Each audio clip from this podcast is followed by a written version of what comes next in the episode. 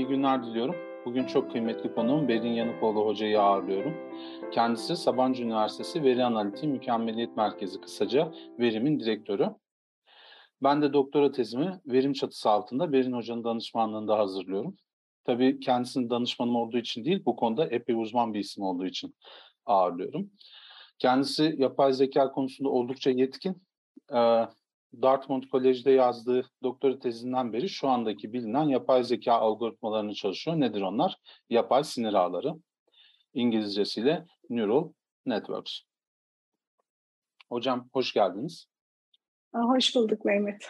Seninle bu ortamda görüşmek de güzel, çok güzel. Aynen. Sizi tabii uzun uzun da e, tanıtabilirdim ama siz o kadar hem istemiyorsunuz hem de seyirciler artık, dinleyiciler artık konuya hızlıca girmemi istiyor. Hocam şimdi benim sorularım var. Tamam. Ee, onlarla başlamak istiyorum. Tamam. Ee, cevaplayabilirim. Yani kuşkusuz. Ee, yapay zekayı, bilimi, sanatı ve en önemlisi sağlık üzerine konuşacağız. Ee, Berin Hoca'nın benim de dahil olduğum projelerinde sağlık alanında çok önemli gelişmeler kaydettik. Şimdi ben tabii hiç bilmeyenler için anlat baş, yaptığımız için bu programları hocam uzmanları için değil. Şöyle so başlamak istiyorum. Yapay zekanın çerçevesini nasıl çiziyorsunuz? Sizin tanımınızda yapay zeka tam olarak nedir, ne, değil, ne değildir? E, yapay zekanın tanımı işte tarih içinde yapılmaya çok çalışılmış ama çok da başarılı bir tanımı yok. Yani e, satrançta işte insanı yenen bir sistem bir zaman e, zeki olarak bulunurken sonrasında bu yetmiyor. E, zeka çıtasını hep üste çekiyoruz. Dolayısıyla bu tanımı yapmak zor, zor. İşte zor problemlerin çözümü falan diyoruz ama e, yani başlangıç için şöyle bir şey söyleyebiliriz. İnsan seviyesinde bir zeka. E, bunu eğer biz bir şekilde bir sisteme Sistem dediğimiz zaman bu bir robot olabilir, bir yazılım olabilir, öğrenen bir makine olabilir. E, bunu eğer e, bunu gerçekleştirebilirsek buna yapay zeka diyebiliriz. İnsan benzeri veya onunla da limitli değil. E, onun üstünde süper human, insanüstü bir yapay zekadan bahsediyoruz. Yapay zeka olarak bir zeka olabilir yapay zeka. Hocam yani burada tabii bilişsel faaliyetlerin e, insanlığın bilişsel faaliyet e, aktivitelerinin, faaliyetlerinin aslında kopyalanması gibi bir şeyden bahsediyoruz değil mi? Evet yani mesela işte ilk hedefler neydi? Gördüğünü anlasın, duyduğunu anlasın, doğal dili anlasın gibi. Bunlarda aslında çok ileri gittik. Hatta bazılarında insan performansını, insan seviyesini geçtik. Bunları sen de biliyorsun. Şimdi ama bunlara dar zeka diyoruz. Yani dar dar yapay zeka diyoruz. Dolayısıyla belli bir amaç için insanların, araştırmacıların bir sistem geliştirmesi ve o sistemin çok iyi olması artık yetmiyor bize. Daha genel yapay zekayı istiyoruz. Yani bir insan gibi yeni bir ortamda eski deneyimleri, eski bilgilerine bağlı kalarak işte yeni bir ortama adapte olabilsin. Mesela diyelim şöyle bir şey, otonom araba yaptınız biliyor ki arabalar var, otobüsler var vesaire ama yeni bir araç geliyor, tanıdık değil. Mesela işte şu şeylerde çıkmıştı galiba at arabası e, videosu gibi bir şey Twitter'da. E onu da anlasın. Yani o da bana çarpabilir. İşte o da kazaya sebep olabilir. Ona da benim çarpmamam lazım gibi.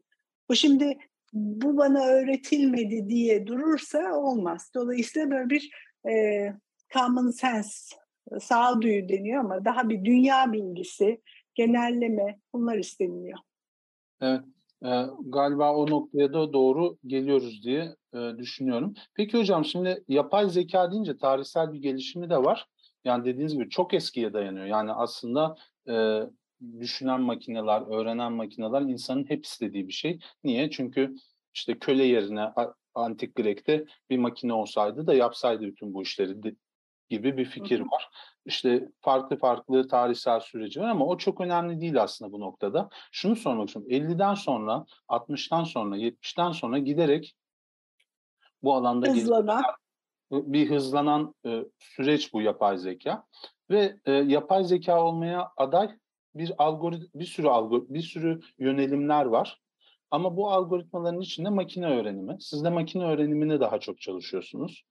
Şimdi Google'ın yapay zeka araştırmacıları diyor ki bu yöntem genel yapay zekaya ulaşmak için yeterli.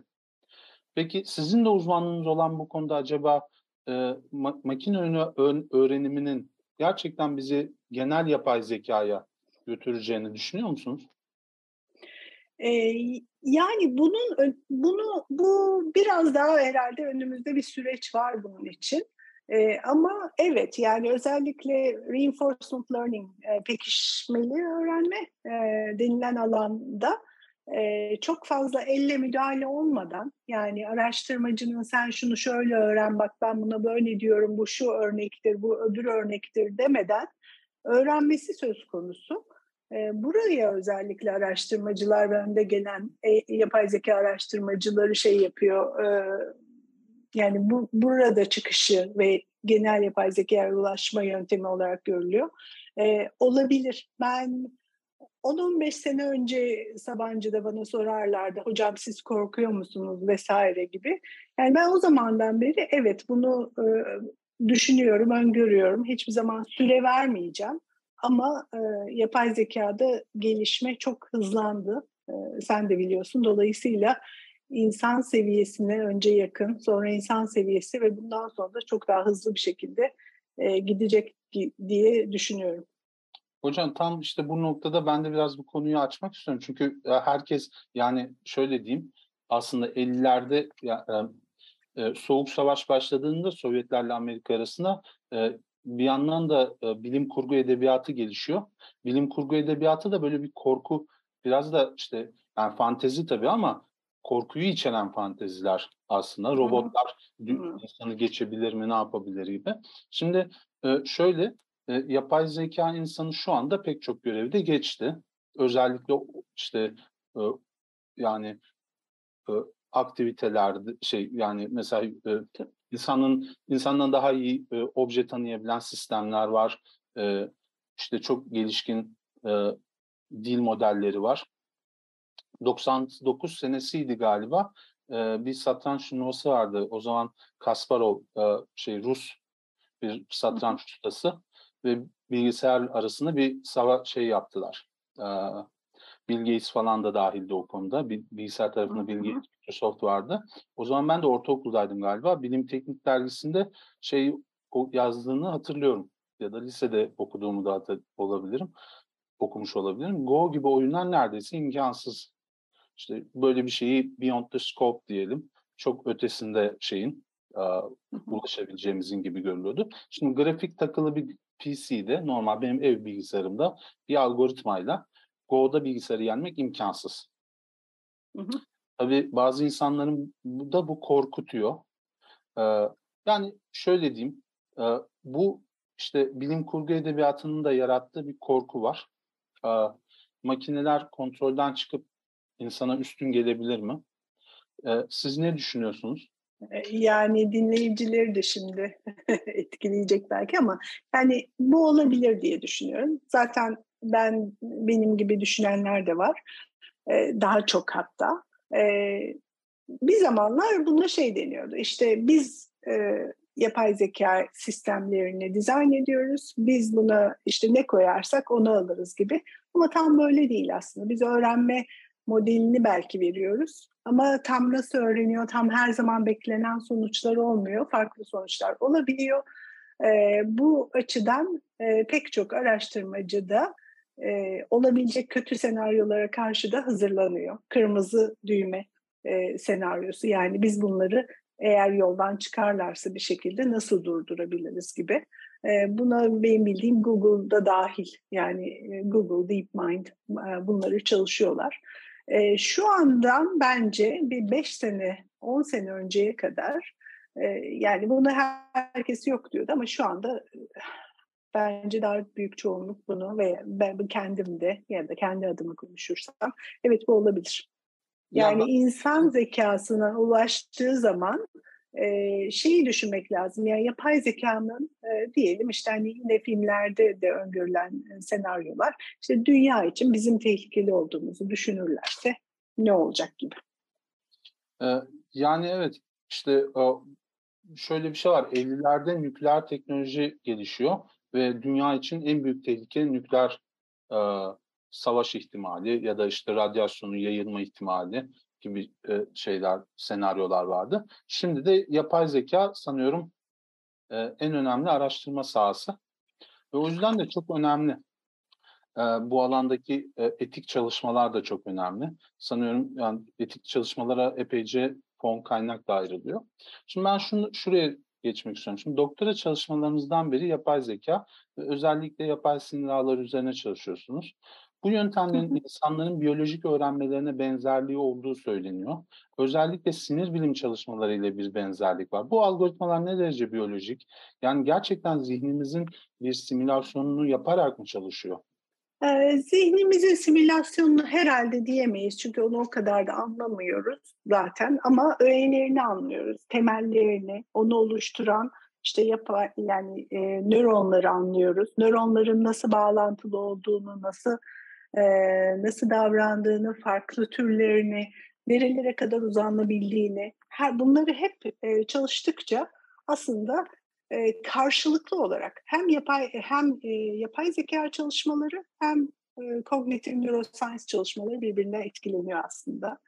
E, geçen gün e, bunun için de biraz okurken şeyi gördüm. E, DeepMind kurucusu Denis Hassabis'in e, şeyini yani kognitif neuroscience doktorası yapmış.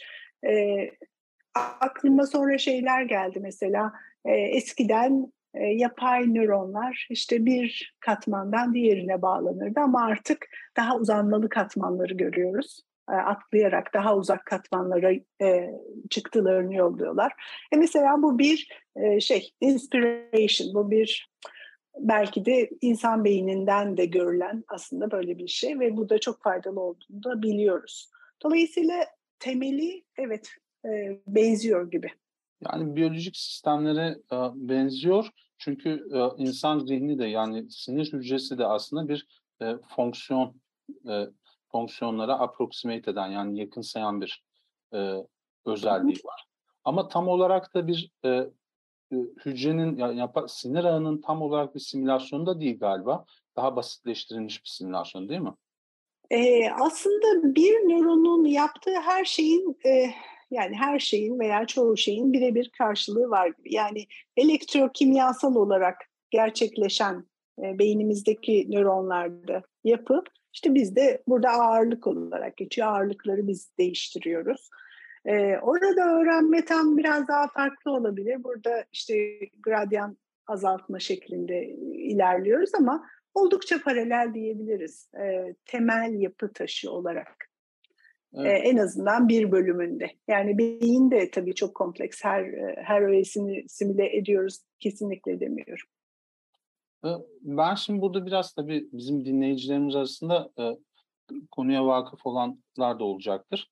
Şeyi sormak istiyorum. İki çalışma alanından bahsetmek istiyorum. Şimdi bizim e, üzerine çalıştığımız benim de test konum self supervised yani kendinden gözetimli öğrenme veya semi supervised yarı gözetimli öğrenme. Yani e, Şimdi ben mesela kendinden gözetimli öğrenme üzerine çalışırken biraz fark ettiğim bir şey var. Bu e, insan da bebekliğinden itibaren dış dünyadan e, deneyimlere maruz kalıyor. Nedir bunlar? İşte görüntüler, sesler. İşte bu seslerin içinde aslında dil de var. Ve o dili dekod ediyor, yani çözümleyerek öğreniyor. Aslında insan zihni de şu anda e, ki güncel yapay sinir ağlarındaki çalışmalar gibi çalışıyor değil mi? Yani e, kendinden gözetimli bir öğrenmeyle başlıyoruz. Sonra da e, çok az label'larla aslında bir bebek için bir label yani işaretle işaretlenip işte bu e, toptur, bu oyuncaktır, bu yemektir gibi e, supervise yani gözetim anne babanın veya işte başkasının gözetimiyle öğreniyor. Yani self supervise'dan, kendinden gözetiminden e, semi supervise'a yani yarı gözetimliye sonra Hı-hı. da tamamen supervised bir eğitime geçiyor. E, şu an çalışı, çalışılan modeller yani güncel yapay zeka algoritmaları e, biraz böyle insanı insanın eğitim sürecini mi andırıyor? Yani bu konunun uzmanı sensin. Şimdi sana da dönebilirim ama e, evet yani senin tarif ettiğin gibi önce bir self e, önce bir self supervised kendi kendine gözetimli bir e, bir evre var. E, burada belki sesleri, fonemleri grupluyor. Şu sesler var, bu sesler tanıdık gelmeye başlıyor. Sonra e, ileri yaşlarda geçtiği zaman başka dili onları o kadar iyi yapamıyor vesaire. Hatta beyindeki yapıları, e, hani özellikle bazı bizim için önemli kognitif fonksiyonlara yönelik beynimiz de gelişiyor. Yani insan yüzlerini tanımaya, sesleri, kendi dilimizdeki sesleri tanımaya yönelik beyin yapımız da güçleniyor, öğreniliyor. Burada yani aslında anne baba burada öğreten çocuğa aynen bir robota öğrettiğimiz gibi işte bu illa portakaldır demiyoruz ama portakalını ye dediğimiz zaman çocuk o ses ve o anda yakında olan kendine uzatılan objeyi asosiyet etmeyi öğreniyor. E, birlikte dolayısıyla buradan bir iki örnekten e, bir şeyler öğrenmeyi öğreniyor. E, bu da şu anda hala aşamadığımız yani yapay zekada hala aşamadığımız bir şey. Yani insanlar nasıl böyle iki örnekten öğreniyor da hani bir, bir kere sana işte ananas desem sen onun ananas olduğunu bu meyveyi öğreniyorsun çocuk olarak ama e, bilgisayara işte pek çok şey yapmamız lazım, örnekler göstermemiz lazım. Burası hala bir şey. E, nasıl çözüm sağlayacağımızı göremediğimiz bir alan. E, bu konuda çalışanlar çok. De yok kapsül networkler vesaire deniyor ama henüz çözülmüş değil. Hı hı. E, bir de yani... bunun yanında belki pekiştirmeli öğrenmeyi de belki eklemek lazım. Hani onda da işte aslında bu oyunlara sebep olan oyunlardaki bilgisayarların süper üstünlüğüne sebep olan şey bu pekiştirmeli öğrenme. Orada da daha bile az söylüyoruz. En oyunun sonunda sadece yendin yenmediğini söyleyerek bilgisayar programları öğrenmeyi öğreniyor. gelecekte buralarda yani unsupervised, gözetimsiz, yarı gözetimli, e, pekiştirmeli öğrenme modellerinde gibi duruyor. Yani şey devri bitti artık. E, bak işte bunlar portakaldır, bunlar elmadır. E, örneklerle gözetimli öğrenme oldukça azalacak gibi diye düşünüyorum. Hocam yani burada e, tabii yapay zeka yani yapay sinir ağlarından bahsettiğimiz zaman en iyileme veya işte Türkçe'ye de optimize diye çevrildi. Optimizasyondan bahsetmemiz gerekiyor. O zaman yani insan zihni doğduğundan itibaren sadece bir benzetme olarak söylüyorum. Tıbbi literatürde yani tıp doktor dinleyicilerimiz de var. O kadar da bana şey yapmasınlar ama biraz sanki diye konuşacağım. E, sanki dünya ile birlikte insan zihni beraber optimize oluyor veya en iyileniyor. Yani anne karnından başlıyor işte e, doğuyor ve işte dış dünyada e, dış dünya yani empirik empirik gözlemlerden e, self-supervised öğreniyor ve e, insan haline yani modern insan haline geliyor. Ve tabii orada işte bedensel gelişim ve sonunda da zihinsel gelişim beraber işleyerek hayatın içerisine katılıyor insan. Yani şeyi söyleyecektim. Bir çocuk mesela işte sizden çikolata istemeyi veya anneanne babaanneden çikolata alabilmeyi beceriyor. Bunun için ne yapması gerektiğini öğreniyor. Senin söylediğin gibi yani bu bir sanki bir optimizasyon, bir öğrenme. Davranışını değiştiriyor. Belki rica ediyor, belki gülümsüyor, belki öpücük veriyor vesaire. Öğreniyor bunları. öyle bir şey girecektim araya. Sen devam et lütfen. Tabii. E, ve benim yine ilginç bir şey. Biz mesela hocamla, e, Berin Hoca'yla e, kendinden gözetimli yüz tanıma sistemleri üzerine çalışıyoruz. E, bu ne demek? Yani bilgisayara e, yüz özelliklerini söylemiyorsunuz. Bilgisayar kendisi öğreniyor yüz özelliklerini ve aslında e, bizim bilmediğimiz yüz özelliklerine de hassas hale gelebiliyor. Yani insan da çocukluğundan itibaren mesela bir insanı düşünelim. E, yüzlere karşı çok hassas. Yani e, bir, 6 milyar 7 milyar insan varsa her birinin yüzü farklı ve her birine karşı daha hassas bir e, tanıma sistemi var zih- insan zihninin. Yani demek ki e, yani işte e, belki bir bardağı diğerinden ayırt etmek o kadar kolay olmayabilir veya hafıza o kadar güçlü olmayabilir ama bir yüzü her zaman hatırlıyoruz. İnsan yüzüne karşı insan zihni daha çok çalışıyor belki. E, ve işte beyinsel beynin demek ki hücreleri de bu şekilde enilenerek belirli bölgelerde e, belirli görevlere daha çok e, e, zaman şey e, enerji harcıyor gibi. Bu konuda siz ne dersiniz? Yüz tanıma sistemleri ve insan üzerine böyle bir yoruma. Ee, buna tümüyle katılıyorum. Aslında en sevdiğim e, derslerde de vaktim olunca anlatmayı sevdiğim konulardan biri bu Cognitive Neuroscience'dan gelen e, gözlemler. E, mesela yüzleri gösterdikleri zaman e, nereler e, yüzü tanımaya çok etkili. Mesela kaşlar çok etkiliymiş. Bunun deneylerini yapıyorlar. Kaşlarınızı kaldırınca e, sizi tanımıyoruz. Ama bunun da çeşitli sebepleri olabilir. Onları da ayrı ayrı hipotezleyip e, dene, deneyler yapılarak doğrulanabilir. E, bu da niye aslında? Mesela veya daha çok e, şey olacağımız, herkesin aşina olacağı, hani e, sesli harfleri atıyorlar aralardan. E, bir kelimeyi bakıyorsunuz, belki çok az yavaşlayarak tüm dokümanı okuyabiliyoruz. Sesli harfler gitmiş. E, işte B yerine E'siz, İ'siz yazıyorum ama e, sen onu çok az yavaşlayarak okuyabiliyorsun. E o zaman bu ne demek? Demek ki harf harf okumuyoruz. Belki kelime şey kelime şekli bile değil. Böyle gözlemler var. E, ve bu gözlemler gerçekten geriye dönüp yapay zeka sistemini de bazen şekillendiriyor. E, beynimizde de ara ara işte farklı e, farklı yapılar yani mesela yüzde olan bu şey işte parça parça bazlı mı çalışıyor, global mi çalışıyor buna dair gözlemler yapılıyor e, ve bizi de yönlendiriyor aslında. Evet. E, yapay zeka sistemleri içinde.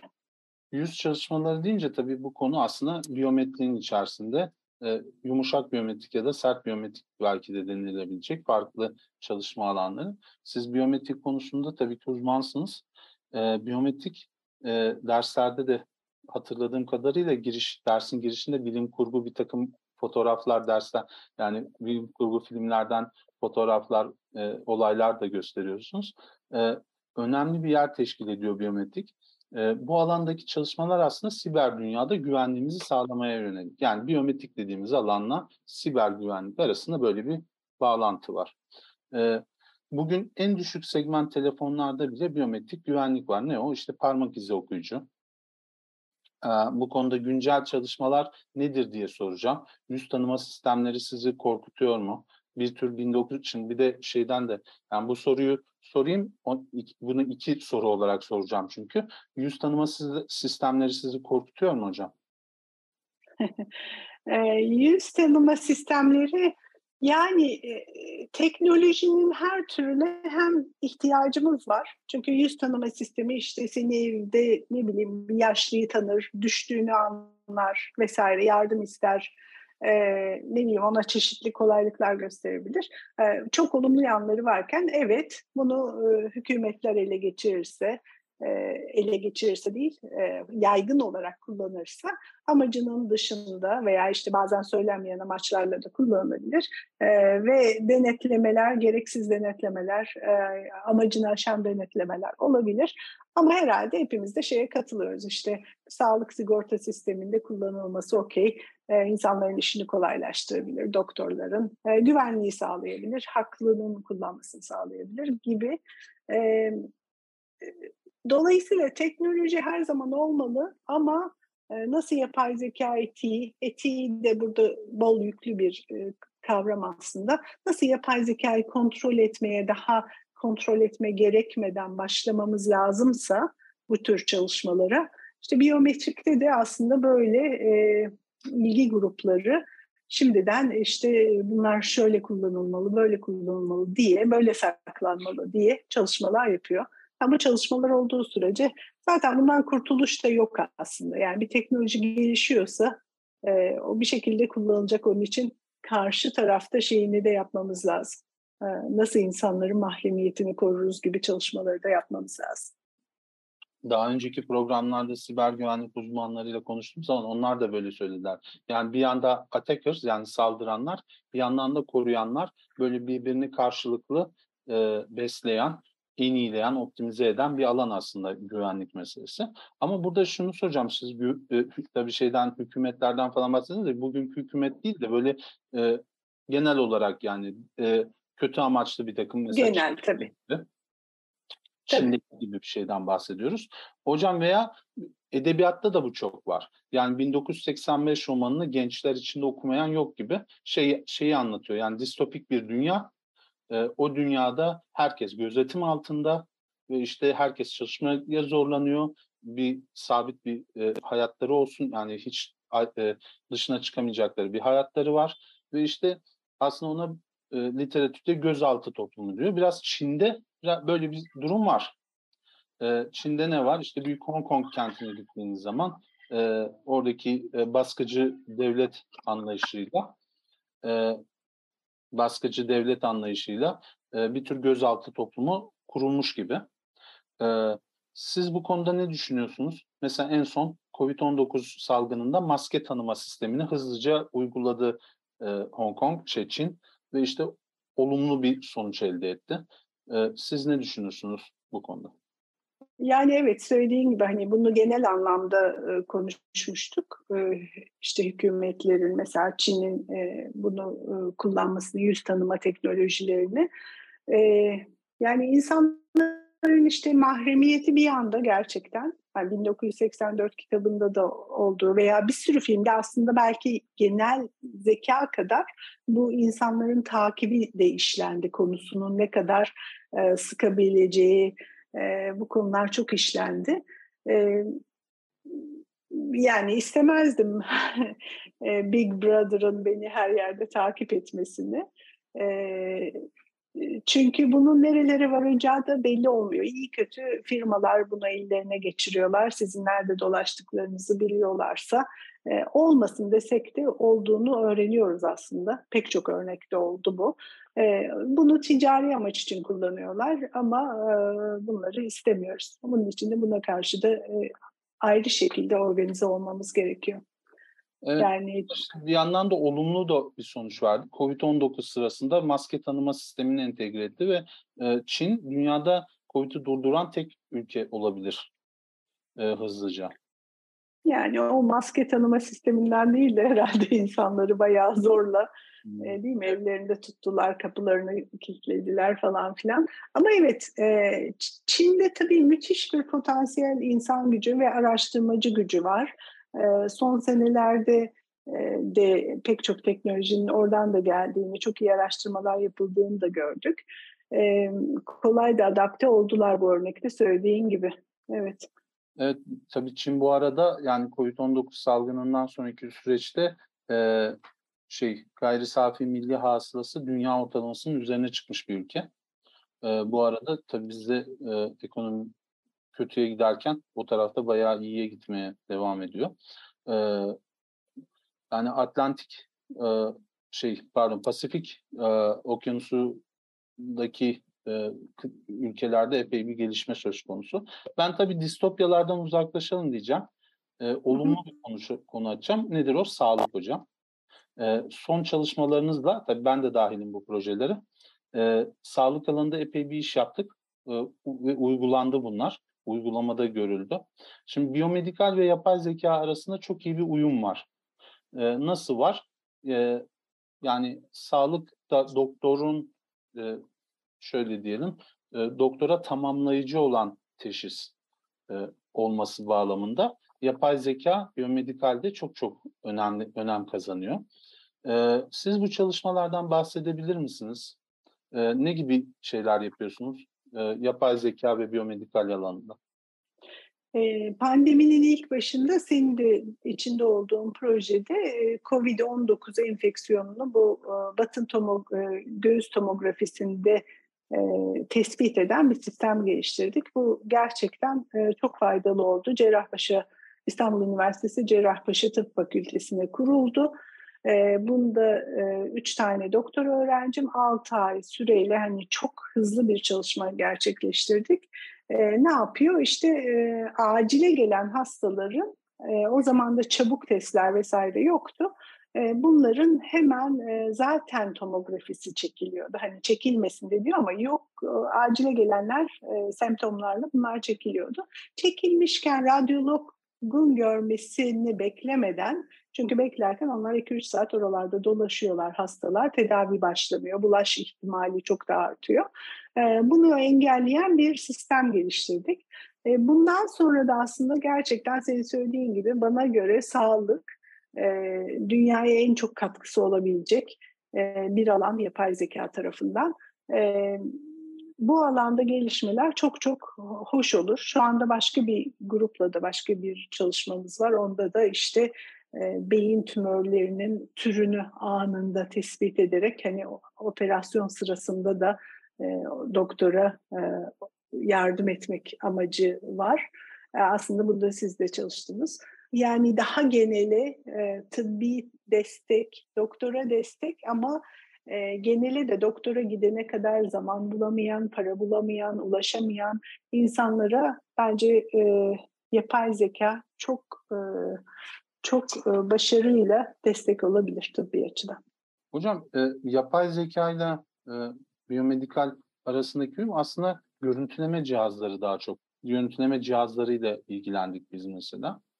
Siz zamanla yani yapay zekanın gelişmesiyle birlikte görüntüleme cihazlarının içinde bu algoritmaların gömülü olarak çalışmaya başlayacağını düşünür müsünüz? Mesela bizim şeyde Cerrahpaşa'ya yaptığımız uygulamada biz gittik, kendimiz bir algoritma geliştirdik, oraya bir server yani sunucu kurduk ve o sunucu bütün şeyden, Cerrahpaşa'dan verileri alıp e, şeyden yani e, makinelerden işledi ve e, orada biz tabii gittiğimizde şey doktorlar gece gündüz orada çalışıyordu. Radyolog asistanlar tamamen bitmiş durumdalardı ve onlara bir yardımda bulunmuş olduk.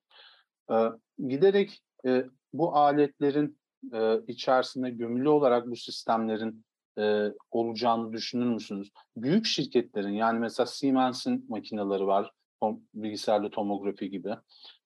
Bu, bu alana yatırım yapıyorlar mı büyük şirketler?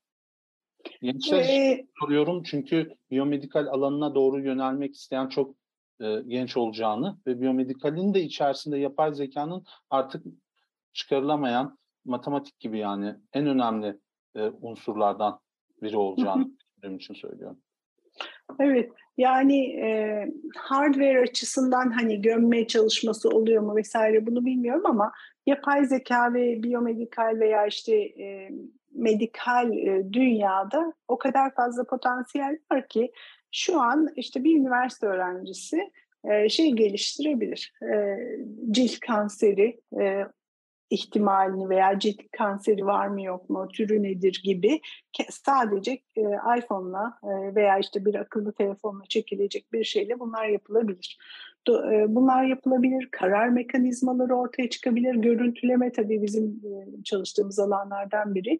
İnsanların e, işte bazı ilaçlara tedavileri vereceği sonuçlar veya veya bir durumdaki en iyi ilaç önerisi bunlarda kullanılıyor yapay zeka ve çok çok gerçekten potansiyel var. Hocam peki şunu soracağım. Burada biraz etik bir konuya da girmek istiyorum. Şimdi bizim çalıştığımız bu sistem expert system yani e, uzman sistemler deniyor bilgisayar literatüründe. E, diyelim ki insan seviyesini geçtik ve işte e, teşhis artık yapay zekadan geliyor. E, yanlış teşhis gelirse ne yapacağız? Yani bu kadar makinelere doktorlar güveniyorlar mı? Doktorlar ne düşünüyor bu konuda? Ee, şu anda hep insan human in the loop düşünüyoruz. Yani insan hep devrede olsun istiyoruz. Sadece yapay zeka mesela görüntüyü bana getirirken işte karaciğerin etrafını çizsin. Bunu yapabilir. Şu anda bazen işte başka bir çalışmada yine Cerrahpaşa'yla işte karaciğerin etrafında doktorlar tek tek piksel piksel çiziyorlarmış. Bunu çizmese de yapay zeka çizse de doktor sonra karaciğer büyümesi var mı yok mu karar versin mesela. Ee, bunun gibi yani herhalde şimdilik en azından şeyi bırakmayacağız ama bırak bırakılan örneklerde kötü örnekler oluyor. Yani bu expert system yapay zeka açıklanabilir de çok değil. Dolayısıyla diyor ki mesela hayır ee, veya işte şu insan hapisten salınsın mı, cezasını çekti mi? Evet veya hayır diyor. Bir açıklaması yok. Amerika'da böyle kullanılan sistemler var. E, bakıyorsunuz burada bir bahis varsa yani yanlılık varsa o zaman e, bu çok büyük bir haksızlık. Açıklanabilir olması lazım vesaire. E, dolayısıyla bu konulara bakmamız lazım ama güvenlik açısından şimdilik e, insan devrede olmalı. Olmaması mümkün mü? Olmaması da mümkün aslında. Yani şu an biz makinelere görüntüyü bize vermesi için tamamıyla güveniyoruz. Dolayısıyla görüntüyü verip belki bir şeyleri işaretlemesini, e, bizden daha bile iyi görmesini de çok rahat bekleyebiliriz. Evet. Tabii şimdi bizim biz sahne sanatlarında e, Türkiye'de en çok dinlenen programımız e, podcast olarak. Yavaş yavaş da programı ben kapatacağım ama son birkaç sorun var. Onları da mutlaka sormam lazım. Onlar da sanatçılar için. E, hocam e, sanat ve yapay zeka üzerine biraz da konuşalım. Şimdi sanat giderek bilgisayarla ve bilgisayarlı ortamla bütünleşiyor. Yani şöyle diyeyim, e, ressamlar e, belki eskiden şeyde tuval üzerinde çalışıyorlardı ama şimdi illüstrasyon üzerine çalışıyorlar. Tabletlerle veya işte çizme araçlarıyla. Sinemacılar eskiden e, şeyler üzerine, e, peliküller üzerine baskı yaparlardı. Yani onun üzerine kaydederlerdi sinema bandını. Şimdi dijital ortamda kaydediliyor. Hemen kurguya giriyor, post prodüksiyona giriyor. İşler biraz daha iyi gibi. Sanatçılar açısından dünya biraz daha kolaylaşmış gibi gözüküyor. Daha çok yaratıcılığını gösterebileceği bir alan haline geliyor. Şimdi siz bu bu konudaki çalışmaları olumlu buluyor musunuz? Yani yapay zeka ve sanat e, ve işte genel olarak bilgisayar yani dijital dünya ve sanat çalışmalarını nasıl buluyorsunuz? Ee, yani burada da çok çok büyük bir çeşitlilik var. İşte bir tarafta değil mi Refik Anadolu'nun çalışmaları var. E, yapay zeka ile kendi görsel enstalasyonlar yapılıyor vesaire. İşte kimi tarafta yeni gelişmelerde, yeni sistemlerde e, veya senin söylediğin gibi hani yapay zekanın sadece insan iş gücünü azaltıcı hani e, sekansları belki daha kolay hazırlayabiliyoruz vesaire. Hani bunlar var. E, veya modelleme o kadar iyi geçti ki e, ben e, artık deniz tekstürünü falan çok güzel e, yapabiliyorum. Dolayısıyla computer graphics çok gelişti. E, bunlar hepsi sanatı besliyor. Daha güzel filmler çekmemize sebep oluyor vesaire.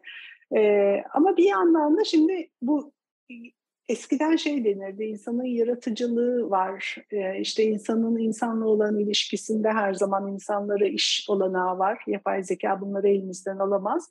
Ama yapay zeka şu anda değişik e, desenler, ürünler, resimler üretebiliyor. Ve bunların bazılarına yani çok yeni hani konuşulan konular e, arasında şey de var. E, designerlar belki kalkacak, yapay zeka bir şeyler üretecek, sadece birisinin seçmesi kalacak gibi. E, yani hani orada mıyız? Tam orada değiliz tabii ki ama bunu bunlar konuşulmaya başlandı. E, yine hem destek hem de tehlikeyi hep bir arada konuşmaya devam edeceğiz gibi geliyor. Evet yani işte sanat ve bilim çok yaratıcılık isteyen alanlar.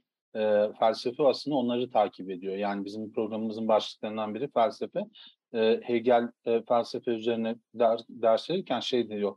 E, felsefe insandaki bir gecikme halidir. Nasıl bir gecikme halidir? İşte bilim ve sanat önce ortaya çıkar. Onların yorumlanması olarak felsefe vardır. İşte e, sanat sanatın yorumlanması olarak felsefe vardır. Bilimsel bulguları e, yorumlanması olarak felsefe vardır.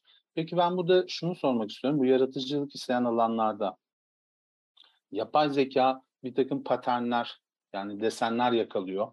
Zaten bu konunun adı diğer adı da pattern recognition diye düşünüyorum. Ee, insanın yakın, yakın okuma ile fark edemeyeceği pek çok özellik uzak okuma ile fark edilebilir hale geliyor. Nedir uzak okuma? İşte e, yani yakın okuma normal bildiğimiz bizim okuma, açık kitabı okumak e, ve onu ince ince e, analiz etmek belki bir eleştirmen için. Uzak okuma da böyle birçok e, metni bir arada değerlendirmek, onların istatistiklerine bakmak, içindeki desenlere bakmak, e, ne, ne, nasıl yapıları var, tarihsel olarak nasıl gelişmişler. Şimdi ben tabii burada şu konuyu şuraya bağlayacağım. Biraz uzattım tabii. Bu çalışmalar hocam bizi bir tür Rönesans'a taşır mı diyeceğim. Ne demek istiyorum yani şimdi? Rönesans şimdi hem İtalya'da doğan bir düşüncedir hem de aslında Ege kıyılarına kadar, İstanbul'a kadar da gelmiş bir düşünce. E, İngiltere'ye de varmış bir düşünce. Bir aydın, e, aydınlanmanın öncesinde Rönesans yaşanıyor. Bu Rönesans içinde de sanatçılar aslında bugünkü dünya gibi e, kitaplar çok ucuz diyor İtalya'da ve işte sanatçılar, e, felsefeciler, bilimciler, o zamanın mimarları vesaire e, çok ucuza kitaplara ulaşabilir hale geliyorlar. Bizim gibi bizim kuşağımızda da yani bir kuşağımız derken sizi de kapsaya bizden önce internet yoktu. E, bizim yaşadığımız çağda da internet çağı böyle bilgiye çabuk ulaşıyoruz ve işte e, kitaplar çok ucuzluyor. Yani internette bedavaya birçok e, şey var, e, e, kitap var ve bir, şey daha var. Rönesans'ı önemli kılan hem doğuda hem de batıda olan bir şey. Bu matematik. Yani doğuda da yani bir tür işte Da Vinci'de oranlar vardır. Hatta Da Vinci der ki matematik bilmeyen resim yapamazlar. E, işte bugün çağında da işte Refik Anadolu'nun işlerinde de bunu görüyoruz. Matematik ve sanat bir araya geliyor ve çok başarılı o.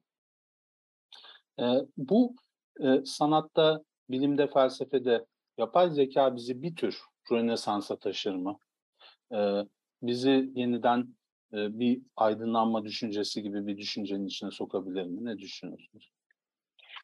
E, yapay zekanın gelişmesiyle aslında e, bir takım yeni bir akım e, düşünceler e, doğmaya başladı değil mi? Bu basic income e, temel Evet yani temel gelir gibi şeyler bunlar çok önemli e, kavramlar. Temel gelir olmalı mı? Yani bir robot e, iş yapıyorsa, e, insanlar işi, işsiz kalıyorsa onlara devlet bir temel gelir bağlamalı mı? Veya işte robotun sahibi mi kazanmalı, robottan vergi sahibinden vergi alınmalı mı? Bu, bu takım sorular çıkmaya başladı. Ee, başka e, aslında daha da derinine biraz daha ince bakarsak hani bunlar yine daha elle dokunulan sorular hani nasıl yaşayacağız gibi bunlarla beraber veya işte yan yana veya e, önünde arkasında nasıl yaşayacağız gibi sorular var. Yani insanın önemi neye bakmalı? Yani bunlar da bunlar da tartışılmaya başlandı. Siz, siz şimdi işiniz olmazsa çalışmazsanız gelir geliriniz var diyelim, yaşam sürdürebiliyorsunuz ama bu burada da insanlığın anlamı var mı? Yani Rönesans'tan çok herhalde felsefeye e, doğru cevap veriyorum e, ama bunlar konuşuldukça aslında ve yapay zekayı da matematikle matematik gibi bir temel bir alan addederek aslında evet yani bir farklılık, bir yeniden yeniden yapılanma, belki bir Rönesans'dan bahsedilebilir. Ee, insanlara yani toprağa dönmeleri yani hiçbir şey yapamıyorsanız işte sebze meyve yetiştirin, doğaya dönün vesaire deniyor. Bunlar konuşuluyor. Hocam bu arada Toyota'nın CEO'su dedi ki işte o dediğinizi söyledi. Dedi ki yani uzaktan çalışma şimdi bugünlerde çok konuşuluyor. Remote work. Ee, remote work e, yani uzaktan çalışmayla İstanbul'dan 2-3 milyon kişi Anadolu'ya, toprağa yani köylere tekrar dönebilirler gibi bir şey söyledi. Dediğiniz çok doğru. Aslında biraz da e, bilişim dünyasında böyle bir yöne doğru gidiyoruz. Hocam peki şunu sormak istiyorum. Son sorum bu. E, yapay zeka konusunda uzmanlaşmak isteyen öğrencilere ne öneriyorsunuz hoca olarak? Tamam. Ee, yani yapay zekada çok potansiyel var. Ee, bilgisayar dünyası, yapay zeka özellikle ee, burada çok potansiyel var. Dünyayı değiştirebilecek e, programlar bile yazılmasına e, bir ufak fikirle e, bile yön verebilirsiniz.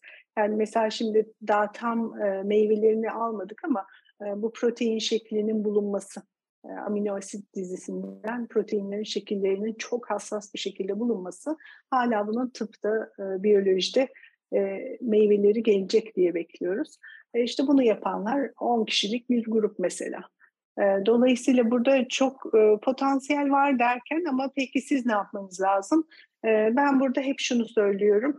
Üniversite eğitimi ve eğitim aslında o konuları öğrenmek için değil, beynimizi geliştirmek, bir sonraki işe hazırlamak için. Dolayısıyla bizim alanımız her 3 ayda, 4 ayda, 6 ayda değişen bir alan. e, oldukça büyük değişiklikler geçiriyor veya hani belki 10 senede çok büyük değişiklikler ama arada da çok çok yeni şeyler oluyor.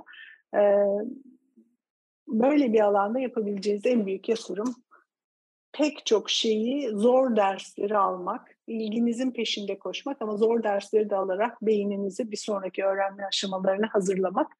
Ve bunu da yani bence bu te- tehlike değil, bu çok güzel bir şey. Ee, yani öğrendikçe bir şeyleri öğrenmek daha da kolay geliyor. Gelecekteki dünyaya da hazır olursunuz diye düşünüyorum. Evet, ben de yapay zekanın matematik gibi temel bilimlerden bir tanesi olduğunu düşünüyorum. Bugün konuğum Berin Yanıkoğlu hocaydı. Kendisine çok teşekkür ediyorum. Kendisi harika bir danışman. Aynı zamanda da bir e, direktör. E, çok iyi, ben doktora sürecimde çok iyi işler çıkardık Türkiye'de. Covid-19 sürecinde de Cerrahpaşa'ya yardım ettik. Kendisine tekrar ve tekrar çok teşekkür ediyorum. Ben teşekkür ediyorum Mehmet. Beni ağırladığın için çok güzel. Ben filmlerini çok sevdim. Bunları da daha çok dinleyeceğim. Çok, çok teşekkür ederim hocam. Herkese iyi günler diliyoruz. Tiyatro ve felsefe buluşmalarında, konuşmalarında tekrar bir araya geleceğiz. İyi dinlemeler.